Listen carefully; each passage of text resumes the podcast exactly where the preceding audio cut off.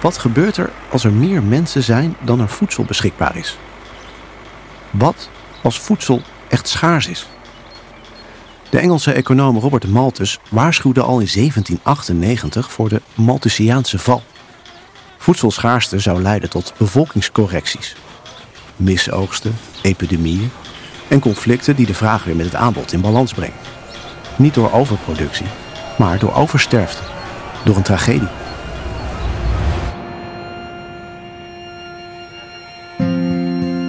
Heb altijd geleerd dat Malthus ongelijk heeft.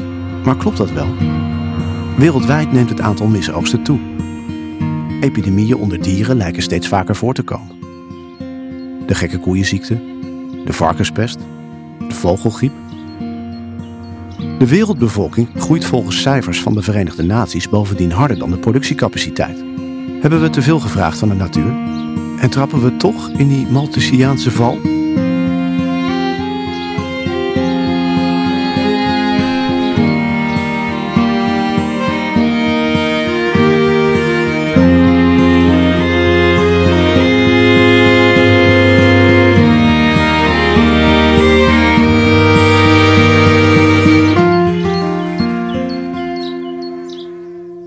Bij de podcastserie De houdbaarheid van de voedselketen. In drie afleveringen onderzoeken we waarom de voedselketen onhoudbaar is, welke oplossingen er zijn en hoe die te realiseren. We praten met voedsel- en klimaatwetenschappers, ondernemers en financieel experts. Dit is aflevering 1. Het gelijk van Maltes. Mijn naam is eh, Pier Vellinga. Ik ben geboren op een boerderij in Friesland, een koeienboerderij. Maar heb daarna in eh, Delft gestudeerd en gewerkt aan alle deltawerken in Nederland. Maar via die deltawerken ook in contact gekomen met klimaatverandering, al in de eh, tachtiger jaren. En toen mij omgeschoold in die richting. En ik was geloof ik de eerste klimaathoogleraar wereldwijd aan de Vrije Universiteit om dit probleem verder uit te diepen. Als klimaat het onderwerp is, weet Vellinga waarover hij het heeft. Als medeoprichter van het Intergovernmental Panel on Climate Change van de Verenigde Naties, bekend als het IPCC, stond hij aan de wieg van de Conference of the People, de COP. Hij was de eerste in Nederland met een universitaire leerstoel klimaat en adviseerde toenmalig klimaatminister Ed Nijpels over de stand van het klimaat tijdens COP1 in Noordwijk. Daar werd de kiem voor de Parijse klimaatakkoorden gelegd. Ik denk als je kijkt naar de geschiedenis van het klimaatbeleid, dat uh, Noordwijk een keerpunt had kunnen zijn. Dan is dit ongeveer het grootste milieuprobleem uh, van onze tijd en van de komende 50 jaar. En dan moeten we met elkaar daar wat aan doen. Laten wij gewoon een, ministersconferentie organiseren. En Nederland is bereid om dat uh, te doen. Sinds 2016 richt Vellinga zich op de voedselketen. Die vat hij samen als inefficiënt en te vervuilend. Over inefficiënt komen we later te spreken, maar met vervuilend bedoelt hij de aantasting van de biodiversiteit. En daarin staat hij niet alleen. This conference is our chance to stop this orgy of destruction. Dat was Antonio Guterres, de secretaris-generaal van de Verenigde Naties tijdens de COP15 over biodiversiteit, afgelopen december in Montreal in Canada. Guterres zei daar dat we de wereld als toilet gebruiken en zelfmoord bij volmacht plegen. Vellinga legt uit wat hij bedoelt. Er zijn kantelpunten in de natuur waarvoor je denkt, nou het ziet er allemaal nog mooi uit en even later is het allemaal weg. En dat is eigenlijk ook het grote wetenschappelijke probleem van de ecologen. Tot hoe ver kun je gaan? En wat die Gutierrez zegt, ja, uh, we plegen zelfmoord. Nou, dat vind ik een heel groot woord. Want waarschijnlijk zal het meer in stapjes gaan. Nu verdwiezen we wereldwijd de koralen, omdat het te warm wordt. Er zijn ook plaatsen waar, uh, ja, waar het niet koud genoeg wordt, waardoor ook uh, knoetjes en allerlei plagen uit zuidelijke landen nu ook in Nederland komen. We weten niet precies wat dat betekent voor de natuur. Maar zo zullen we in de toekomst verrast worden ook door, door klimaatverandering, opgewekte verandering in de natuur. En wat dat dan precies betekent, daar durft eigenlijk niemand zijn vingers aan te branden. Wat Vellinga zegt is, biodiversiteit is de verscheidenheid van plant- en diersoorten. Die verscheidenheid is cruciaal voor de vruchtbaarheid van de grond. Hoe meer soorten, hoe vruchtbaarder de bodem. Biodiversiteit is ook belangrijk bij het tegengaan van de opwarming van de aarde. Volgens onderzoek van de VN is de biodiversiteit de afgelopen 100 jaar met 70% afgenomen.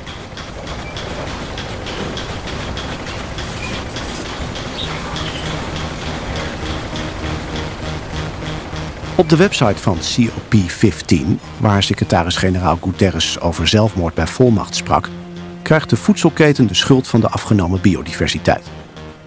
Er wordt met getallen gesmeten, maar de ontbossing als gevolg van landcultivatie, lees het uitbreiden van landbouwgrond, sinds 1990 ruim 420 miljoen hectare grond, de bedreiging van 80% van de 2800.000 diersoorten springen in het oog. En toch wringt het. Hoe kan het dat de voedselketen, een systeem dat voor de mens van levensbelang is, en dat notabene zelf afhankelijk is van een vruchtbare bodem, de voornaamste oorzaak is van het verlies aan biodiversiteit? What's the worst thing we've ever done to the planet? The answer is tough to hear, and many people recoil from it because it conflicts with some of our most cherished beliefs farming. But it's also among the world's foremost causes of climate breakdown, of water pollution, of air pollution. But perhaps most importantly, it's the foremost cause of land use. Now, I've come to see land as perhaps the most important of all environmental questions. U hoorde George Monbiot. Monbiot is columnist voor The Guardian maar bovenal klimaatonderzoeker. In zijn boek Regenesis: Feeding the World Without Devouring Our Planet onderzoekt hij waarom landbouw schadelijk is. Een simpel antwoord is er niet. Vaak wordt gewezen naar intensieve landbouw. Toch is het niet intensieve of extensieve landbouw, maar landgebruik op zich de oorzaak. Overal waar mensen land winnen op de natuur verdwijnen plant- en diersoorten. En met het verdwijnen daarvan neemt de biodiversiteit af.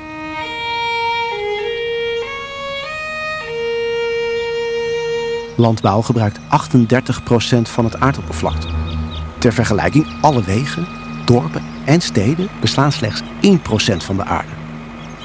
Het zijn daarom niet zozeer de pesticiden of de intensieve ploegmethoden die het verschil maken, maar de uitbreiding van de landbouw, of zoals Monbiot het zo mooi noemt, de agricultural sprawl, die schadelijk is. Every acre of land that we use for our own purposes is an acre that can't support wild ecosystems, such as forests and wetlands and savannas, on which the great majority of the world's species depend. Het levert ontnuchterende inzichten. Om de schade aan het klimaat in te schatten, moeten we kijken naar de verhouding klimatologische impact versus opbrengst. Biologische landbouw is misschien gezonder, maar niet per se beter voor de biodiversiteit, omdat veel meer land nodig is voor dezelfde opbrengst. En wie milieubewust bezig dacht te zijn door zijn biefstuk bij de biologische schalslager te halen en graag in die veronderstelling blijft, moet doorspoelen bij het volgende fragment uit de podcast Armchair Expert. What's wrong with grass-fed beef? So this is the most damaging of all food products.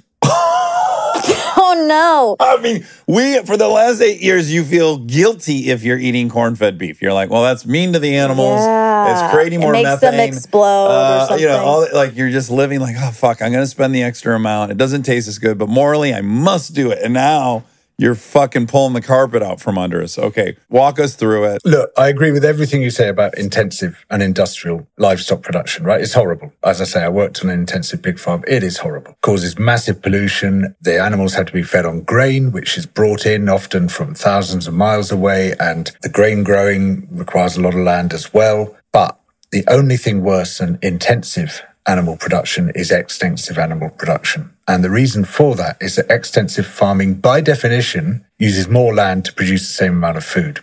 And land is the crucial metric because every hectare, every acre of land that we use for an extractive industry is land that can't be used for wild ecosystems, such as forests, wetlands, savannas, natural grasslands on which wild species are living. And the great majority of species on Earth depend on wild ecosystems for their survival. And that's another way of saying that planetary systems, Earth systems, depend on wild ecosystems because if one tips, we get domino effects and the whole lot can go down.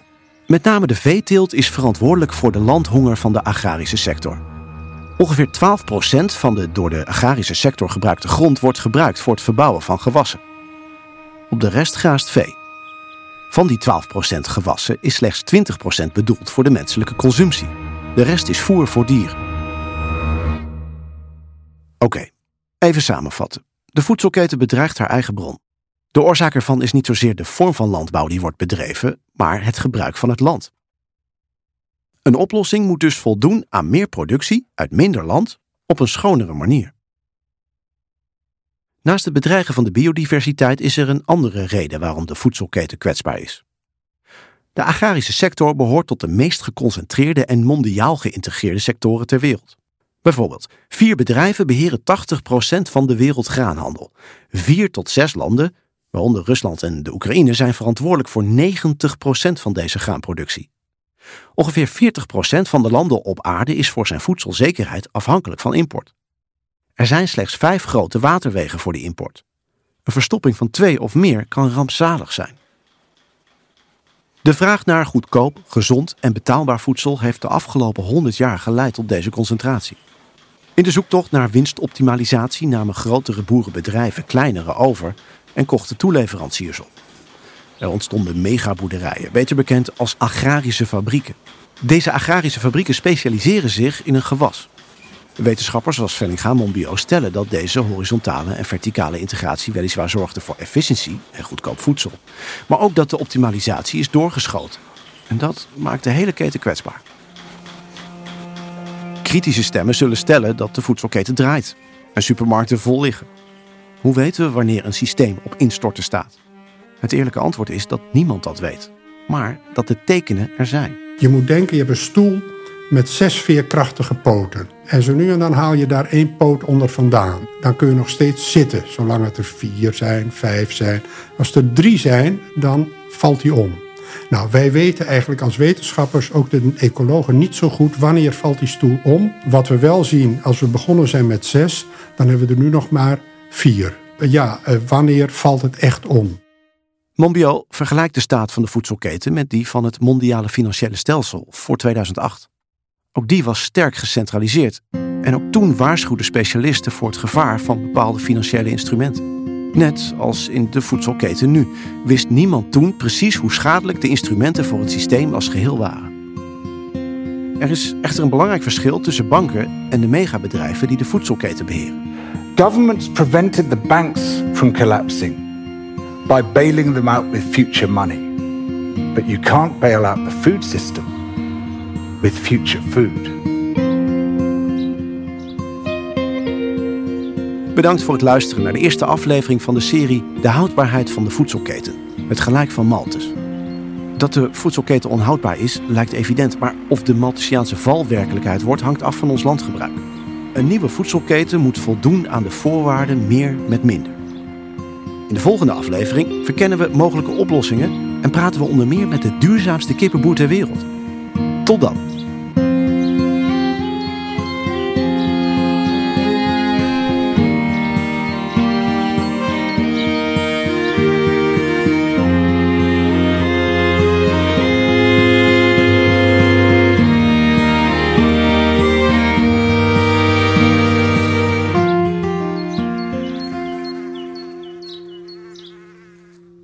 Deze podcast is mogelijk gemaakt door onze sponsor Pictet Asset Management. Pictet heeft ons de vrijheid gegeven onafhankelijk onderzoek te doen naar de staat van de voedselketen en, ongeacht de uitkomsten van dat onderzoek, een podcast met de bevindingen ervan te maken.